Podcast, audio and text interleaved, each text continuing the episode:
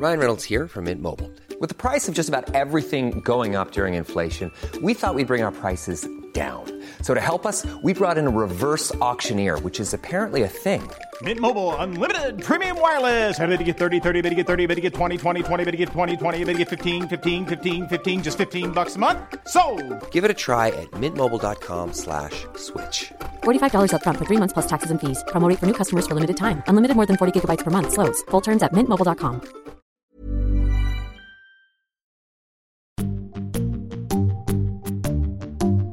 Min teori är att det är sammankopplat med övertygelsen om att vi är, att vi är blanka papper som, som formas av språket och att vi inte skulle kunna särskilja på vad som är skämt och vad det är för någonting som är en, ett, ett gott argument utan vi bara formas av det och sen så är, blir vi rasister eller, eller någonting annat. Och jag tycker att det är fel. Så då, då tjafsar jag emot i form av skämt. Och, eh, då blir ju en del upprörda. Men det är en, en, en diskussion värd att ta. Välkomna till ett nytt avsnitt av podcasten Cyril och Stig i otakt med samtiden.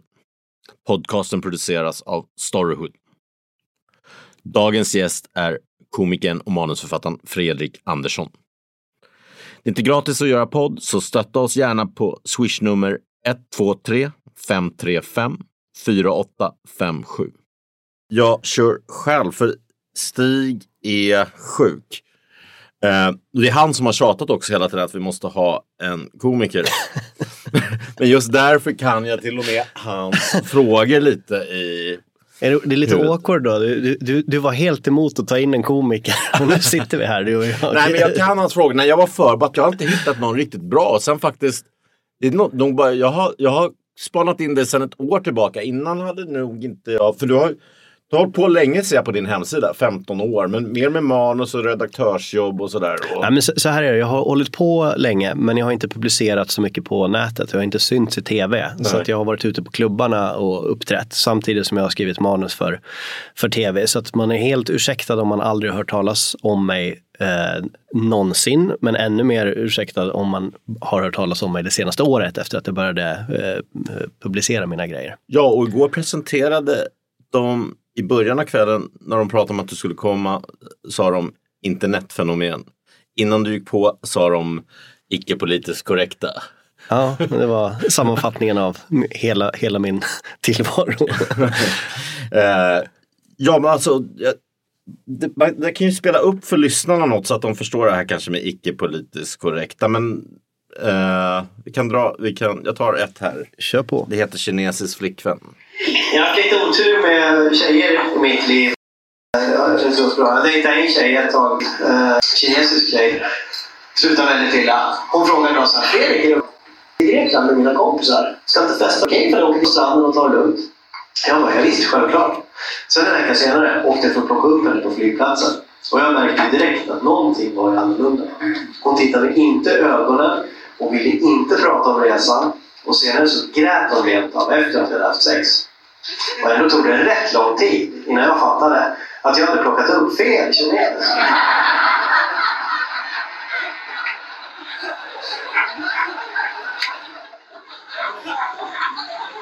Jag drog det där skämtet och tänkte väl... Och en kille kom fram efteråt väldigt upprörd. Han sa att det där skämtet det kan du inte säga. Det är oerhört rasistiskt. För det förstärker fördomen att alla kineser ser likadana ut. Så jag, jag sa till honom, kom igen. Har inte vi pratat om det här förr?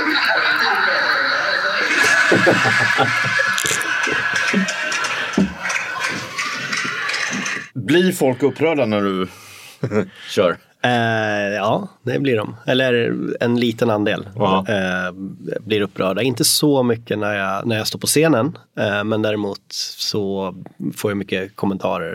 Eh, eller återigen, det är en liten andel av kommentarerna som är negativa, men det finns en del av dem som blir väldigt upprörda. På sociala medier eller kommer fram till det efter? De, alltså de, de står inte skriker åt dig medan du håller på. Men kom, hugger de det efter showen eller? eller, eller? Alltså det, det, är väl, eh, det är väl mest folk som sitter bakom tangentbordet som sitter och Mm. skriver saker på sociala medier och, och sådär. Men äh, återigen, det är, det är en så liten andel så att det mest, absolut största mängden feedback jag får är, är positiv. Men Mm. sen så är det en del som blir väldigt, väldigt upprörda och eh, ofta å andras vägnar. De är inte arga för, för, för sig själva utan, utan mer så här, hur kan du göra så här? Hur, hur kan du skämta om en sån här sak? Hur förstår du inte att det förstärker fördomar och, och liknande saker? Vilket jag ju har invändningar mot. Och jag gillar att argumentera, jag gillar att debattera saker på nätet. Men nu blir det väl, ibland så kan det bli eh, för mycket för att hinna, för, för att hinna bemöta saker. Ehm, och jag behöver ju inte göra det heller, men jag tycker det är roligt Ja. att, att argumentera med främlingar på nätet. För mig, särskilt den här typen av humor går ju ut på att spel, leka med sina egna fördomar och andras fördomar. Och, Jag, jag, jag, spel, jag spelar ju en karaktär som är dum i huvudet. Det, det, är- det är det återkommande. du står och ler hela tiden lite så här. Är det för att provokativt reta upp också? Eller är det att du Alltså, står distanserat och ler? Alltså en stor del av det är det ju väldigt roligt att titta ut över publiken över hur de Ja. reagerar över de där sakerna. För många som kommer och kollar till exempel på Norra Brunn, de kanske, de kanske inte har valt att gå på standup själva utan deras chef har tagit med dem på någon eh, aktivitet. De, de kanske är där med, med människor som som de är lite nervösa över hur, vad andra människor ser dem skratta till. Och då är det väldigt roligt att se människor som tycker att det är väldigt roligt men som försöker dölja sina skratt och försöker låtsas som att, de, in, som att de inte tycker det är roligt. Jag såg det igår på din show igår. Eh, Du såg några sådana. Men, och det är otroligt kul att titta ut över. När du ser människor som, som tycker någonting är väldigt, väldigt roligt och så sitter de och döljer sitt ansikte för, för att ingen annan ska se att de tycker det är kul. Älskar det. Eh, Det här som du sa med folk blir upprörda och fördomar och så här. Alltså det här är ju det är nästan en klyscha att ställa när man intervjuar en komiker. För det här går ju tillbaks till liksom Lenny Bruce tid och kanske innan det. Alltså, får man som komiker skämta om vad som helst? Eh, eh, ja, men precis som med allting annat så är det ju så här, det är som att säga så här, kan du göra en film om vad som helst? Eftersom du kan ju, du kan ju olika måltavlor i, i, i skämtet. Och jag tycker inte att det är okej att attackera vissa måltavlor på orättfärdiga skäl, liksom, som, som med allt annat. Så att, det är som, ja, men, om man säger, får man skriva en bok om vad som helst? Absolut, men du kan ju vara ett svin medan du skriver boken också där du, där du hänger ut en massa oskyldiga människor och lägger ut namn och telefonnummer. Så eh, du kan skämta om vad som helst men det betyder inte att varje skämt är okej. Tycker jag. Mm. Ja, Leif GW Persson säger om sin figur Bäckström att det är ett jävla svin och sådär. Men man märker ju när man läser och hör kommentarerna att han har haft väldigt roligt när han, när han formar det här svinet. Ja, ja, ja. Det, är, det, är väldigt, det är väldigt roligt att skapa en ondskefull karaktär. Eller eh, som den karaktären som jag oftast går in i är ju, är ju någon som vill väl men har, har, har, begår fatala misstag hela tiden i, i, i, i social interaktion. Liksom. Ja. Eh, så, så karaktären som jag, jag, jag påstår ju att ja, men i det där skämtet så är det ju det, det, det är dels att ha tagit fel på eh, tagit fel på flickvän. Men Ja. dels också är det ju aspekten av en oaktsam våldtäkt som har, som har skett i skämtet. Så, att, så att det kräver ju att, folk, att publiken fattar att det här är någonting som jag har skapat och skrivit. Och jag vill tillskriva publiken den intelligensen att de kan skilja på när jag sen går in i ett skämt som kanske faktiskt har att göra med någonting som, jag, som hände mig förra veckan. Liksom. Och eh, jag gillar att jag, jag gillar att tillskriva tittarna intelligens. Okej, men jag, tar, jag ska spela upp ett till av de kanske mer här, mer icke-politiskt korrekta. Eh, frukt på pizza heter den. Det är svårt. Jag, ser, jag anser mig själv vara lite grann av en eh, feminist. Liksom. Jag tycker att jag ibland får lite blandade budskap eh, från tjejer av vad de vill ha av eh, Man försöker vara inkännande. Men jag träffade en tjej, mig liksom, så låg lite sådär. Hon, hon eh, vi träffade och skulle slå henne i ansiktet. Ja. Eller ja, hon använde inte de orden. Hon sa att banan kan vara ganska gott på pizza.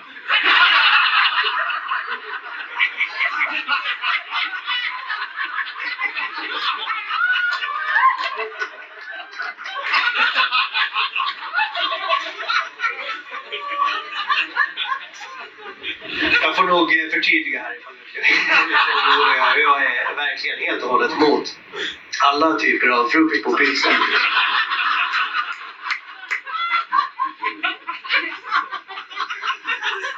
Nej, man kan inte skämta sådär längre. Det absolut inte. Kom fram en tjej och sa det att det där skämtet det är inte okej för det förstärker.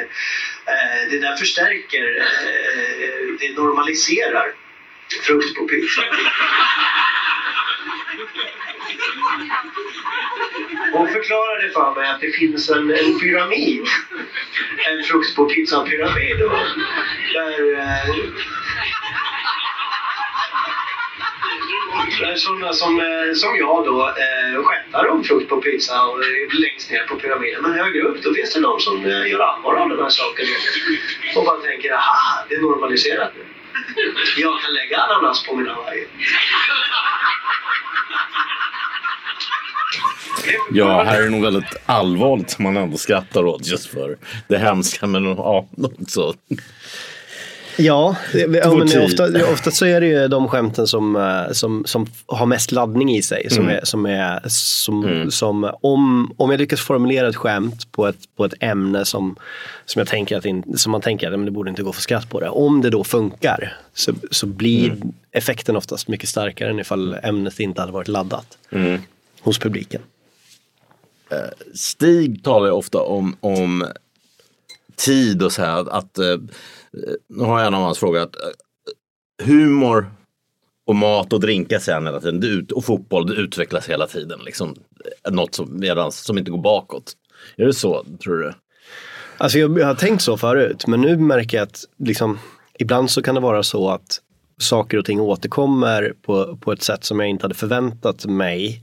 Så att numera så känner jag nästan större tillhörighet till, till eh, de komikerna som jag såg när jag började med stand-up tidigare än den humorn som produceras nu. Jag hittar fler gemensamma nämnare med, med äldre tiders eh, eh, komiker och jag ser att hantverket är väldigt mycket mer likartat hela tiden än vad jag kanske skulle ha sagt för tio år sedan eller någonting sånt där. För då kändes det som att Oj, allt, allt det, det äldre är någonting som vi har tagit avstamp ifrån och nu så har vi utvecklat någonting eh, som, som eh, är annorlunda eller bättre eller något sånt där. Men det tycker jag inte längre.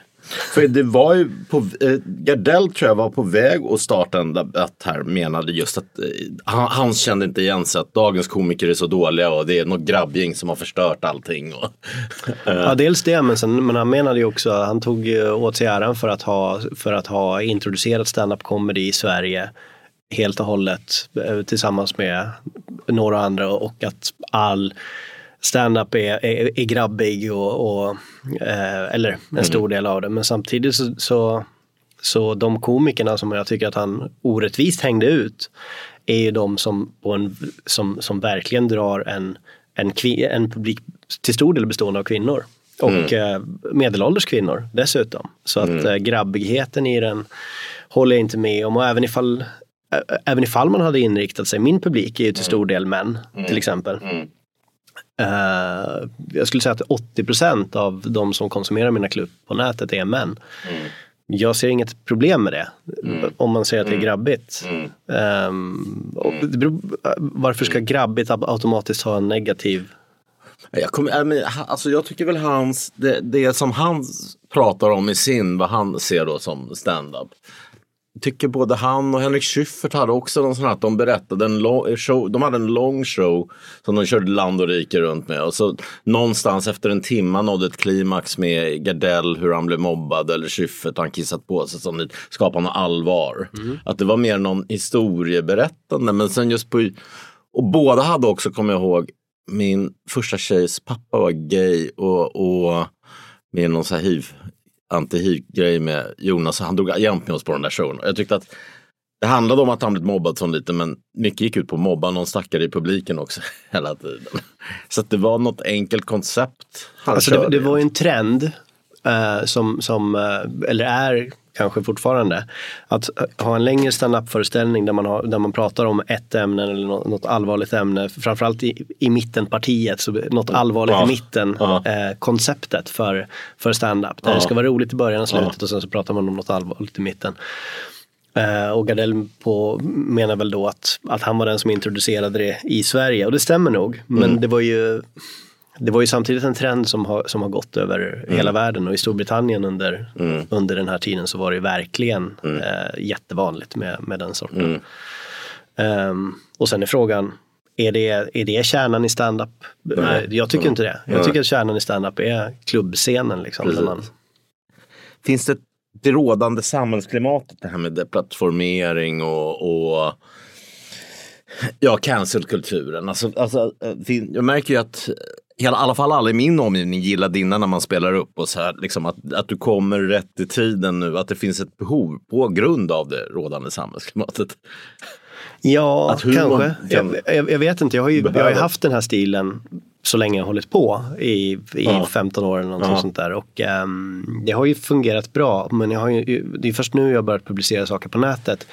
Och jag vet inte hur det skulle ha gått tidigare ifall jag hade börjat publicera tidigare de, de här sakerna. Men, ehm, och, men det var ju ett tag som jag inte, som för, för länge sedan som jag inte visste vad ska jag skriva skämt om.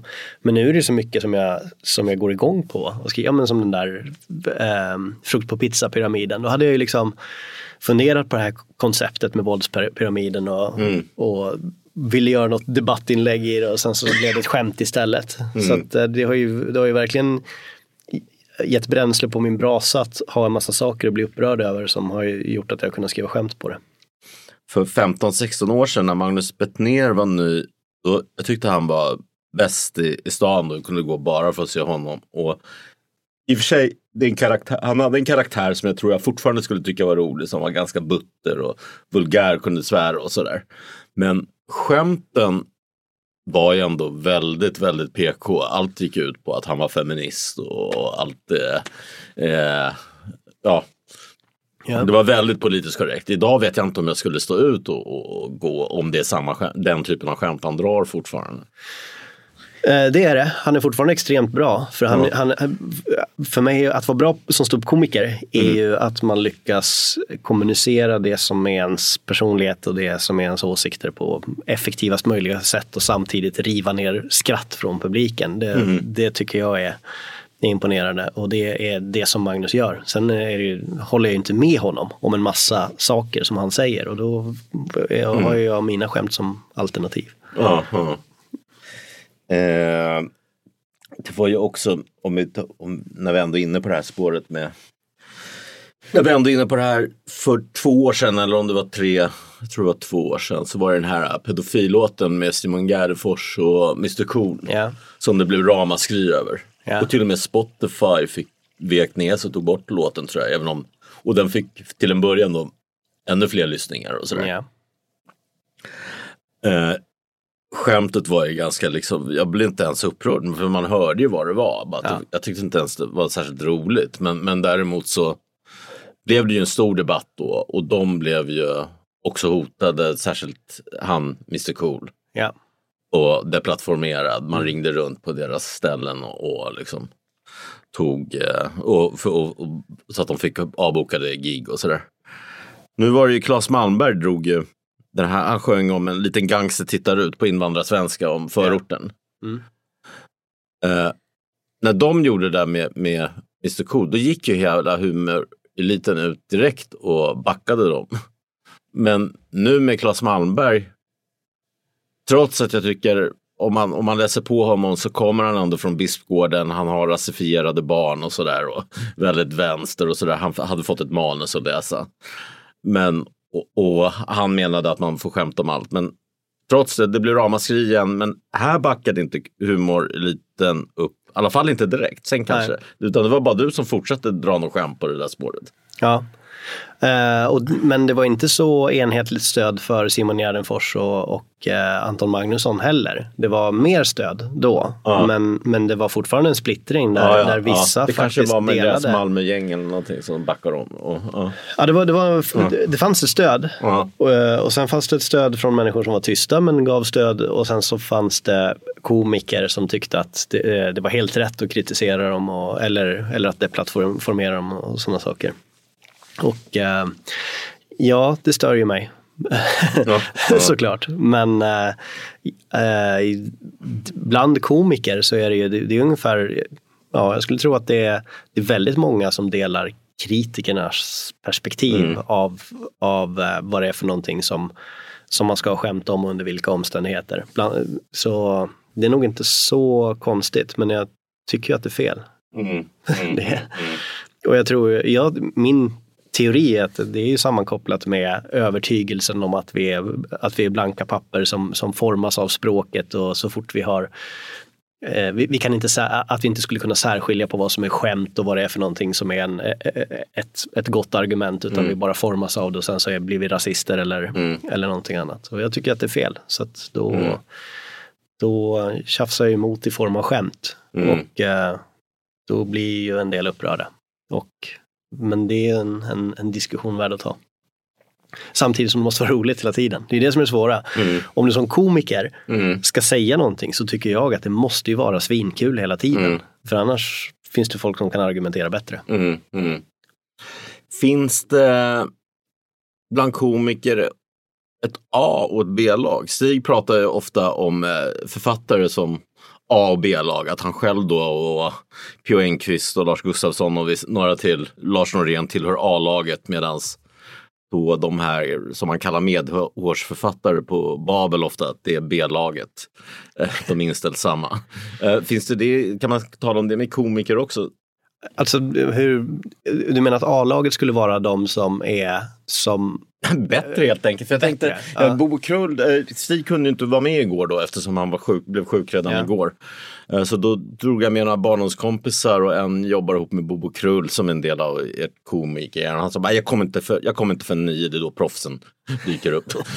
Eh, eh, och det var ju inte så roligt och jag jobbat, min debutroman Gå Johnny Gå, då jobbade jag, inramningen är ett gaycafé, modecafé där vi jobbade som hade stand-up-kvällar. Okej. Och där var det i och för sig riktigt bra komiker i början men de försvann till bättre ställen och till slut var det bara de dåliga kvar som bara satt och skrattade åt sina egna dåliga skämt. Och det var ett, jag skildrade det som ett sätt också istället gick ner sig. Men jag tyckte också att konferensen var rolig men, men förbandet var inte så här jätterolig.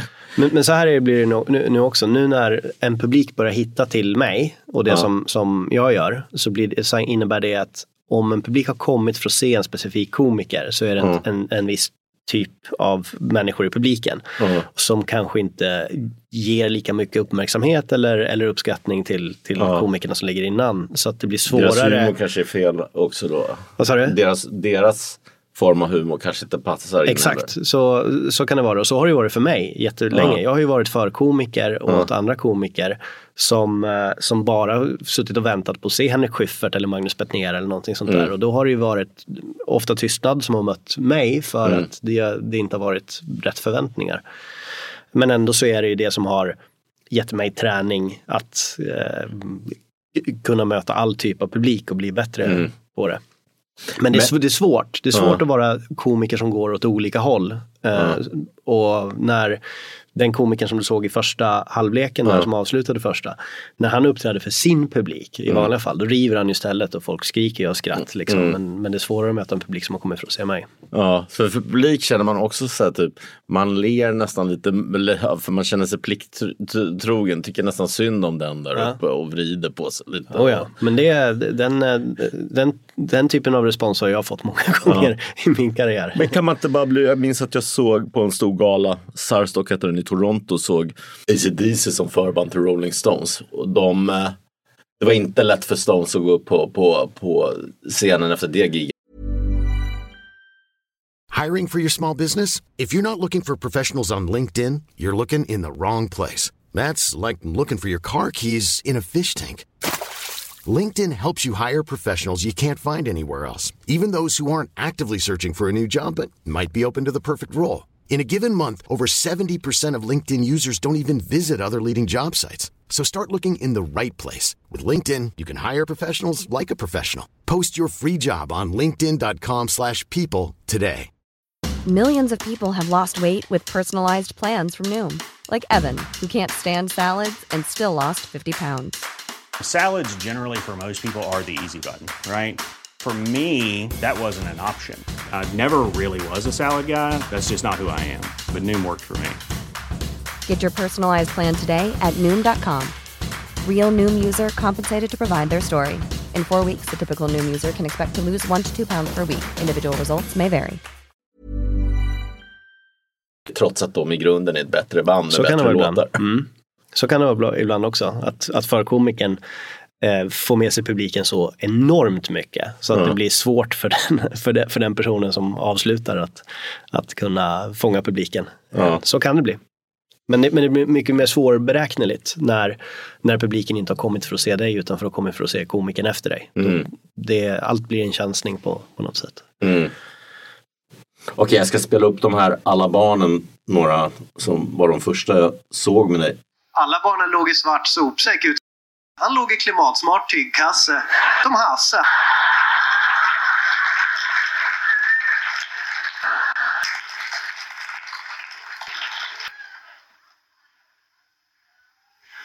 Alla barnen läste sagor, utom Björn. Han läste 80 poäng genusdans på Södertörn.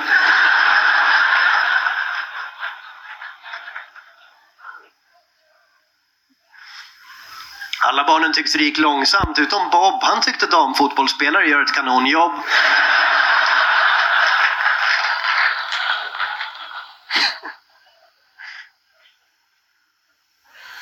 Alla barnen följde lagen, utom Ove, för han hade vuxit upp i ett område med ett antal försvårande socioekonomiska faktorer.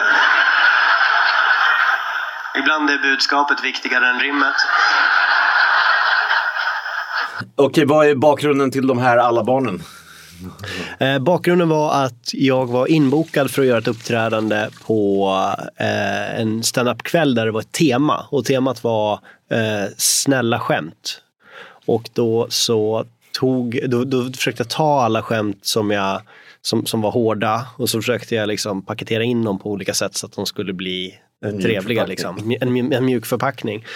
Och då gick jag, betade jag igenom alla skämtformler som Bellman-historier, eh, ordvitsar, alla barnen, eh, och gåtor och, och liknande. Eh, och klassiska roliga historier. Och då kom alla barnen-skämten eh, till två, två av dem. Sen så eh, skrev jag fler och fler och sen så, nu har jag faktiskt en bok som heter, eh, som heter ehm, Politiskt korrekt alla barnen, 100 tillrättalagda skämt för en medveten generation. Ah, det är full med sådana här skämt. Jajamän, Mm, mm. 100 stycken. Jag har gjort en, en, en upplaga, sen en reviderad upplaga för jag, byt, jag bytte ut några so saker som hade hunnit bli inaktuella. Mm. Så den, eh, om man får göra lite reklam så, så kan man beställa den på nätet om man, om man är sugen. Ehm, men sen så har jag, har jag sparat en del av skämten och Mm. kör dem i min standup och roterar dem lite grann Mm. här och var. Tidstiming, det handlar om humor, färskvara. Uh, ja, men om man tar ett exempel på ett skämt som är med i boken men som inte skulle vara med i nästa upplaga av boken. Det är, får se, hur går den nu då? Eh, alla barnen ville stoppa krig utom Mika. Hon ville stoppa Paolo Robertos pasta från att säljas på ICA. den, den, eh, av uppenbara skäl så kommer inte det att vara någonting som, som, eh, som kommer att funka om ett år. Liksom. Men nu, nu Den var jävligt god måste jag säga också. Den, den gick för en krona efter den här, det här eh, prostitutionsköpet. Så Ja. jag köpte upp mig på, på det. Fett lager med pasta hemma. För. ja. Vad jag skulle säga? Men, det, men då är det ju referenser som, Precis. som är tidsmässiga referenser. Men Ja. sen finns det ju också skämt som, som eventuellt inte på grund av olika trender är det någonting som man slutar göra. Det fanns ju trender inom stand-up tidigare som, som blev eh, hack, som man säger då, om det är någonting som, som väldigt många gör så att, så att ämnet dör. Det är ett skämt, eh, när jag började med stand-up så var ju klyschan att ståuppkomiker bara skämtade om manligt och kvinnligt. Och eh, ja, ni vet vad det är för skillnaden mellan män och kvinnor. Liksom. Det, det var Ja. den ingången. Och sen så var nästa grej ehm, flygplansmat. De grejerna var så pass gjorda så att det blev en klyscha att säga eh, ni vet skillnaden mellan män och kvinnor. Eller eh, jag åt då, så dålig flygplansmat. Det, det var någonting som, som det skämtades jättemycket om. Men nu, om du skulle dra ett skämt om flygplansmat nu så skulle ju inte publiken uppleva det som hack och inte komiker heller för att alla har glömt hur, hur söndertjatat det var. För att inte tala om skillnaden mellan män och kvinnor, vilket ju jag skämtar om. Eh, för att nu är det så politiskt inkorrekt att påstå att det skulle kunna finnas en skillnad mellan män och kvinnor. Så att då blir det ju plötsligt någonting som, är, som, som kan vara vast att skämta om. Någonting Ja. som var Så här kommer du tillbaka. Och det är det jag menar att eh, när man säger så här att ja, man går vidare och bygger på tidigare nivåer Mm. och sånt där. Men ibland så går det också runt. Om man bara, vi står på samma ställe och stampar som för Mm. 20 år sedan. Två av de tre komiker som du hade igår eh, skämtade om Frankrike igår. Men det kanske mer var en slump kändes det som. Det var en slump. Och, och ehm, eh, så kan det vara ibland. Ibland Ja. har man ett skämt som är snarlikt någon annans. Jag hade också något, Mm. något skämt som var lite väl, Mm. som, som där temat, nej inte temat, men där referensen var snarlik vilket gjorde att mitt skämt fick sämre effekt än vad det skulle fått annars. Det är roligt att just Frankrike faktiskt skämtar mycket om Sverige. Holbeck har med Sverige som ett mardrömsland. Ja, Eh, För I princip ar- varje bok tror jag. ja, Och själv har jag fått en fransk agent. Och hon, hon, hon eh, ringde mig och sa, har du varit med om några skandaler i Sverige? Jag bara, ah, ja, jag har varit på löpsedeln för ett slagsmål en gång. Och så bara, nej men inget så här om, eh, omoget, alltså, alltså kulturskandal. Ja, tre av mina böcker har varit föremål för eh, DNs ledarsidor. Det är två av mina böcker och en artikel har varit föremål för DNs ledarsidor. Och precis som vi vet vad Le Mans är så vet de kulturkretsarna där var DN är. Så de, ja men det här är jättebra, det här, det här, det här ska vi marknadsföra dig för att, att du upprör DN. ja. Så fransmännen gillar att driva med Sverige också verkar det som. ja, det är många som gillar att driva med Sverige eller, eller eh, ser Sverige som ett varnande exempel som, som, eh, och Sverige som ett, ett, ett exempel på några som, in, som har dålig självinsikt. Mhm. Och vad jag skulle säga, skriver du manus?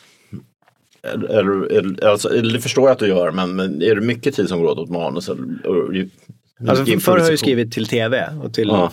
parlamentet har jag skrivit eh, i, till i, i 10-15 år någonting sånt där. Ja.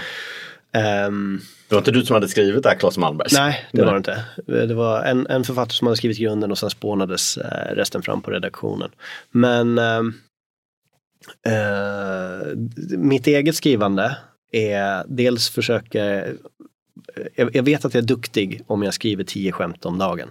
Eh, En, en bra dag går jag upp tidigt på morgonen så skriver jag tio Mm. skämt. Och då kommer ett av 30, Mm. ett av, eller någonting sånt där, att fungera.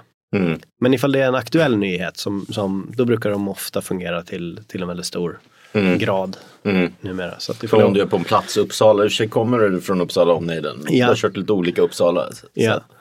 Eh, nej men ifall jag är på en, på en plats eller ifall det är någonting specifikt som har hänt i media då försöker jag skriva ett skämt om det den dagen och så försöker jag spela in det och så försöker jag lägga upp det så att, så att, ehm, eh, så att folk, så att mina följare har, har möjlighet att hänga med liksom i eh, min tillvaro på något sätt. Och jag vill ju jag tycker att om jag följer någon så vill man se saker som man skrattar åt eller tycker är roligt, Mm. inte ba- bara bakom kulisserna bilder. Mm. Eh, det här vi pratade om förut att skämt kan komma tillbaka, att det kan komma tillbaka med eh, Går humor och kan det också gå i cykler? För jag såg nu, du har ett som, vad heter det på SVT? Eh, Cyklopernas land.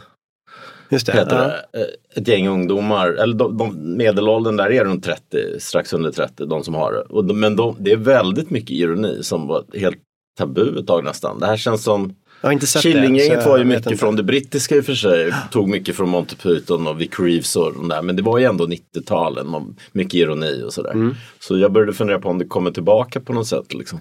Jag tycker, det, det är min tes, att det, saker och ting kommer tillbaka men kanske inte på det sättet som man har tänkt sig. Nej. Så att jag kan ju kolla väldigt mycket på äldre komiker, som, de som var riktigt bra. Eh, kan jag ju bli väldigt inspirerad av. Men sen det som var mainstream i, i humorkretsar på den tiden, det kanske inte nödvändigtvis är det som är bra. Men liksom kärnan, de riktigt starka standup-skämten från från 90-talet är, är fortfarande bra tycker jag. Och stommen är, är ofta detsamma. Sen kan det vara så att man ibland, humor bygger ju på det oväntade. Så att du måste ju hela tiden dölja din avsikt med skämtet någonstans i det. Så att du kan ju inte bygga allt för mycket på formler som, som publiken känner till. Utan du måste ju komma med en oväntad vändning. Ja, men som alla barnen-historierna. Mm. Där använder ju skelettet, strukturen av alla barnen, men sen Mm. försöker ju tillföra någonting annat då Mm. i det. Hur mycket är, så du sa, du, du sitter och skriver några skämt per dag. Eh, och särskilt folk som är talangfulla att skriva tror jag kan sitta och skriva då och, och, och få ner skämt. Men sen gäller det ju att formulera det på en scen. Det kan jag tänka mig att där är det en timing och leverera det som inte alla kan helt enkelt. Hur mycket är talang och hur mycket är övning och Lite svårt att säga för att, för att eh, för det var ju väldigt många som ansåg att jag bara kunde skriva skämt men att jag inte var särskilt bra på att leverera dem Mm. själv. Eh, och det stämde nog också. Eh, det, det, det har tagit ett tag att hitta en scenpersonlighet. När jag började, jag, jag är ju gammal trollkarl. Innan, innan Mm. ja, jag det stämde. Jag ståuppkomiker. visste inte om det var skämt eller inte. Nej men så är det. När jag var, när- när, jag, innan jag blev ståuppkomiker så jobbade jag som trollkarl och visade eh, trolleritrick istället. Jag var väldigt introvert. Och jag gömde mig bakom tricken. Så det var så här, kolla på trolleritricket. Och det blev ju som stödhjul för mig då för att interag- interagera och hitta min personlighet. Sen slopade jag tricken och det blev renodlad standup. Och då har jag tagit det som jag lärde mig som trollkarl då. Ehm, och, det, och det har blivit en, en eh, jag, har, jag har byggt på min personlighet när jag står på scenen. Så om någon hade tittat på mig när jag började så, så skulle nog många säga att men, den här killen har ju ingen talang. Han har, han har ju verkligen det var, det var nog många som sa att ja, men du har ju inte den här, du är ju inte outgoing, du är inte, du, du är en- ingen likability och sådana saker. Så det bli som någon Chaplin-skola från början nästan? Buster Keaton, den klassiska eller? Eh, ja, men lite. I ett trolleritrick så får du ofta ett, ma- ett manus, ett tänkt manus för hur du ska göra trolleritricket. Och sen kan du se någon annan trollkarl som gör det på en video eller någonting sånt där. På den tiden som jag gjorde, VHS-kassetter. Och då fick du se en person leverera det och du skulle, skulle göra det på samma sätt. Eh, så du, det, det var liksom en manual för att, för, att, för att verka som att du hade en personlighet och, och kunde interagera med publiken. Så, så, så snodde du hela paketet och så ställde du och sa, och sa välj ett kort, vilket som helst. Och då när man, när man, när man är, har svårt att interagera med människor så är det perfekt. Det är precis det man behöver. Och det är där- därför också som trolleri är någonting som man eh, eh, brukar använda som hjälpmedel när man har att göra med barn som, som har svårt att interagera med människor som ligger en bit ut på autismspektrat. Ja. Så är, brukar trolleri anses vara ett bra verktyg för att, för att hitta blandningen mellan det mekaniska eh, intresset för fysiska föremål och sen så eh, kunna väva in interaktion med, med eh, omgivningen. Precis. Ja, visst, det måste vara perfekt med Asperger och så liksom. Ja, Det, det sägs så. David Copperfield ha- hade någon eh, skola för, eh, anpassad just för, för eh, autismspektrat. Om man kollar din timeline på CV där på hemsidan så det står ju manus och redaktörsjobb där mycket. Men sen för fem, sex år sedan började du göra var det så att du började med det som fältartist? Det står du har varit i Mali, Kosovo och Afghanistan. Um, det var det var Kristoffer Appelqvist som, uh, som var ordförande i Fältartisterna. Som uh, då är eh, en organisation för artister som, som, som får träning i att åka och underhålla Försvarsmaktens personal. Var de nu befinner sig. Och ibland så har det varit då på de platserna. För man tänker sig lite så här pöbel om du vet Apocalypse Now, den där scenen när det är, då är det i och för sig pinuppor, playboybrudar som kommer. Alla Ja. står och skriker på en bataljon där. så var det som ett sätt att gå ut i fronten direkt och liksom eh, skola för dig? Och, Nej, alltså det, det kom väl ganska så sent. Vid, vid det tillfället så hade jag ju ändå liksom en bra koll på artisteriet. Hyfsat. ja. Så när jag åkte ut dit då hade jag, kunde jag dels falla tillbaka på trolleri, dels på stand-up och dels på att vara konferencier och hålla, hålla ihop det. Och sen så åkte jag tillsammans med andra artister då som var liksom musikalartister eller musiker. Och så eh, underhåller vi försvar, Försvarsmaktens personal som ibland har lång tid som de inte har varit hemma och bara vill ha, man behöver någon underhållning, man behöver en relief liksom. Och då, då blir underhållningen det vid eh, eh, något speciellt till, tillfälle eh, på deras missioner. eh, du kommer från, ursprungligen från Tierp. Ja.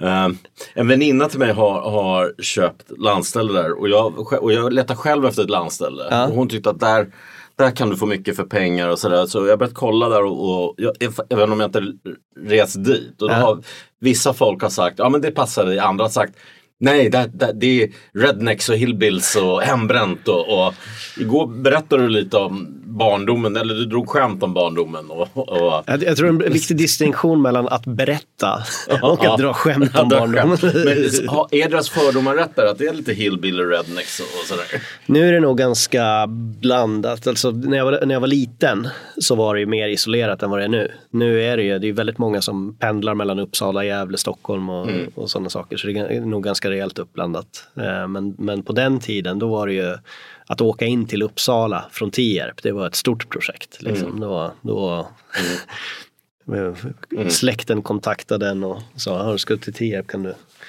kan mm. du passa på att köpa de här sakerna. Mm.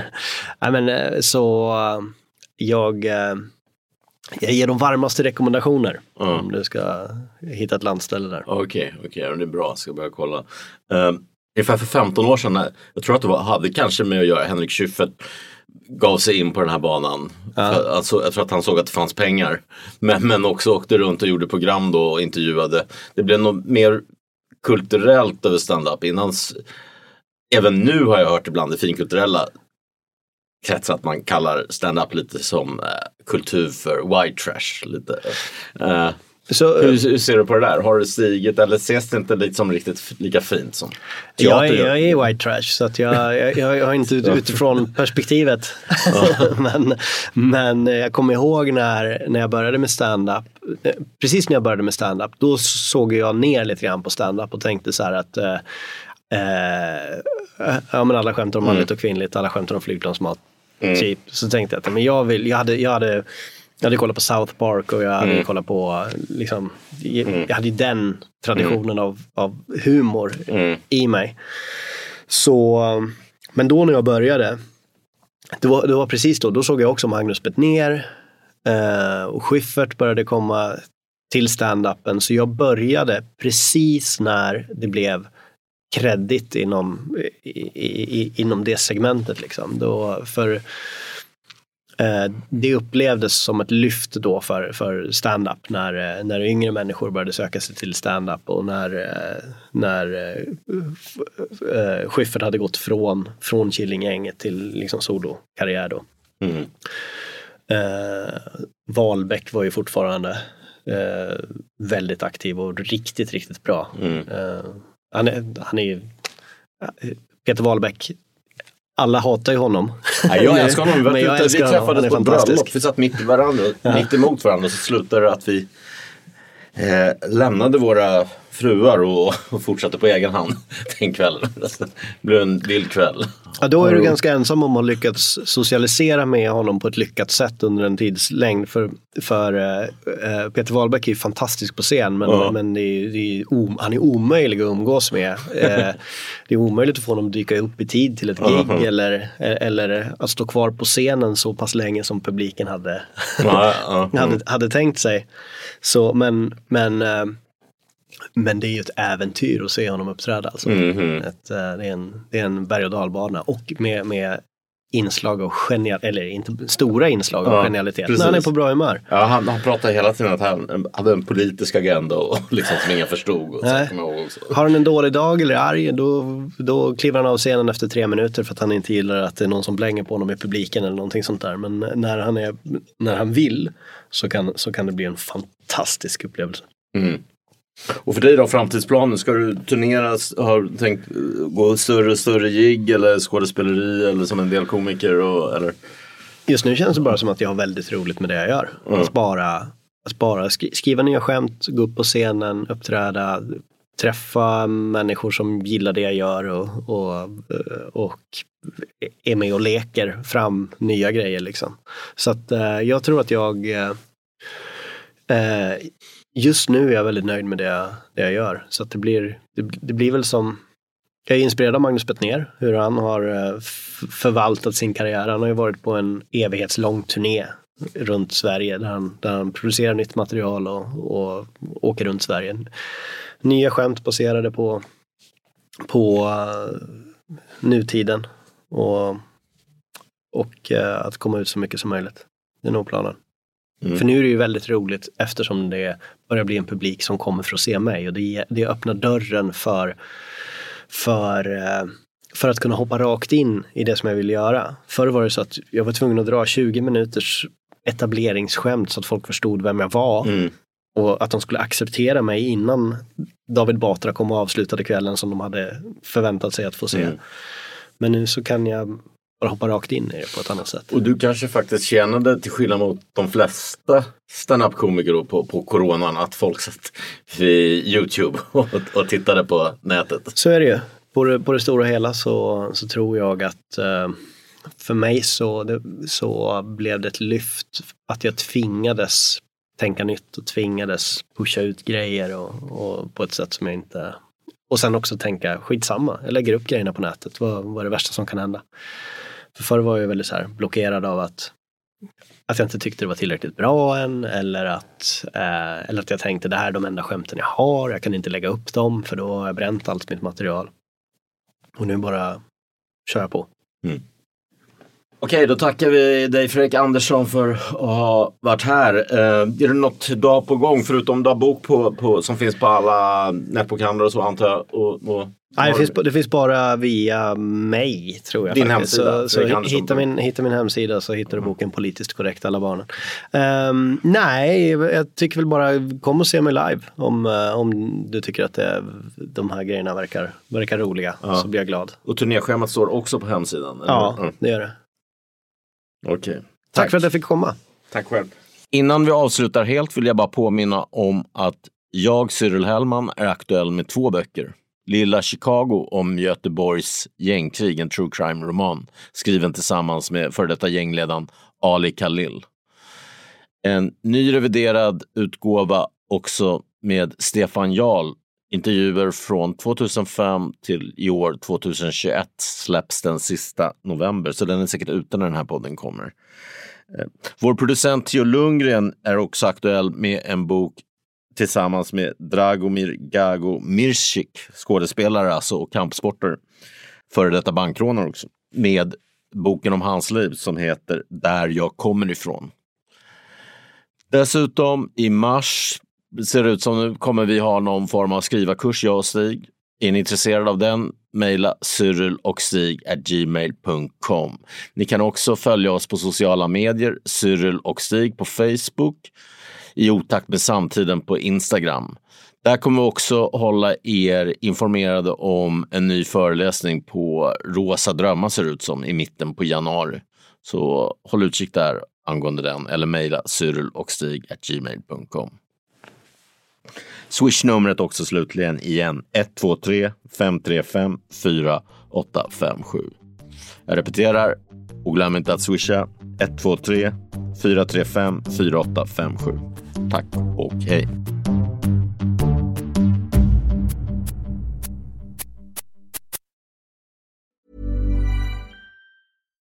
Hi, I'm Daniel, founder of Pretty Litter.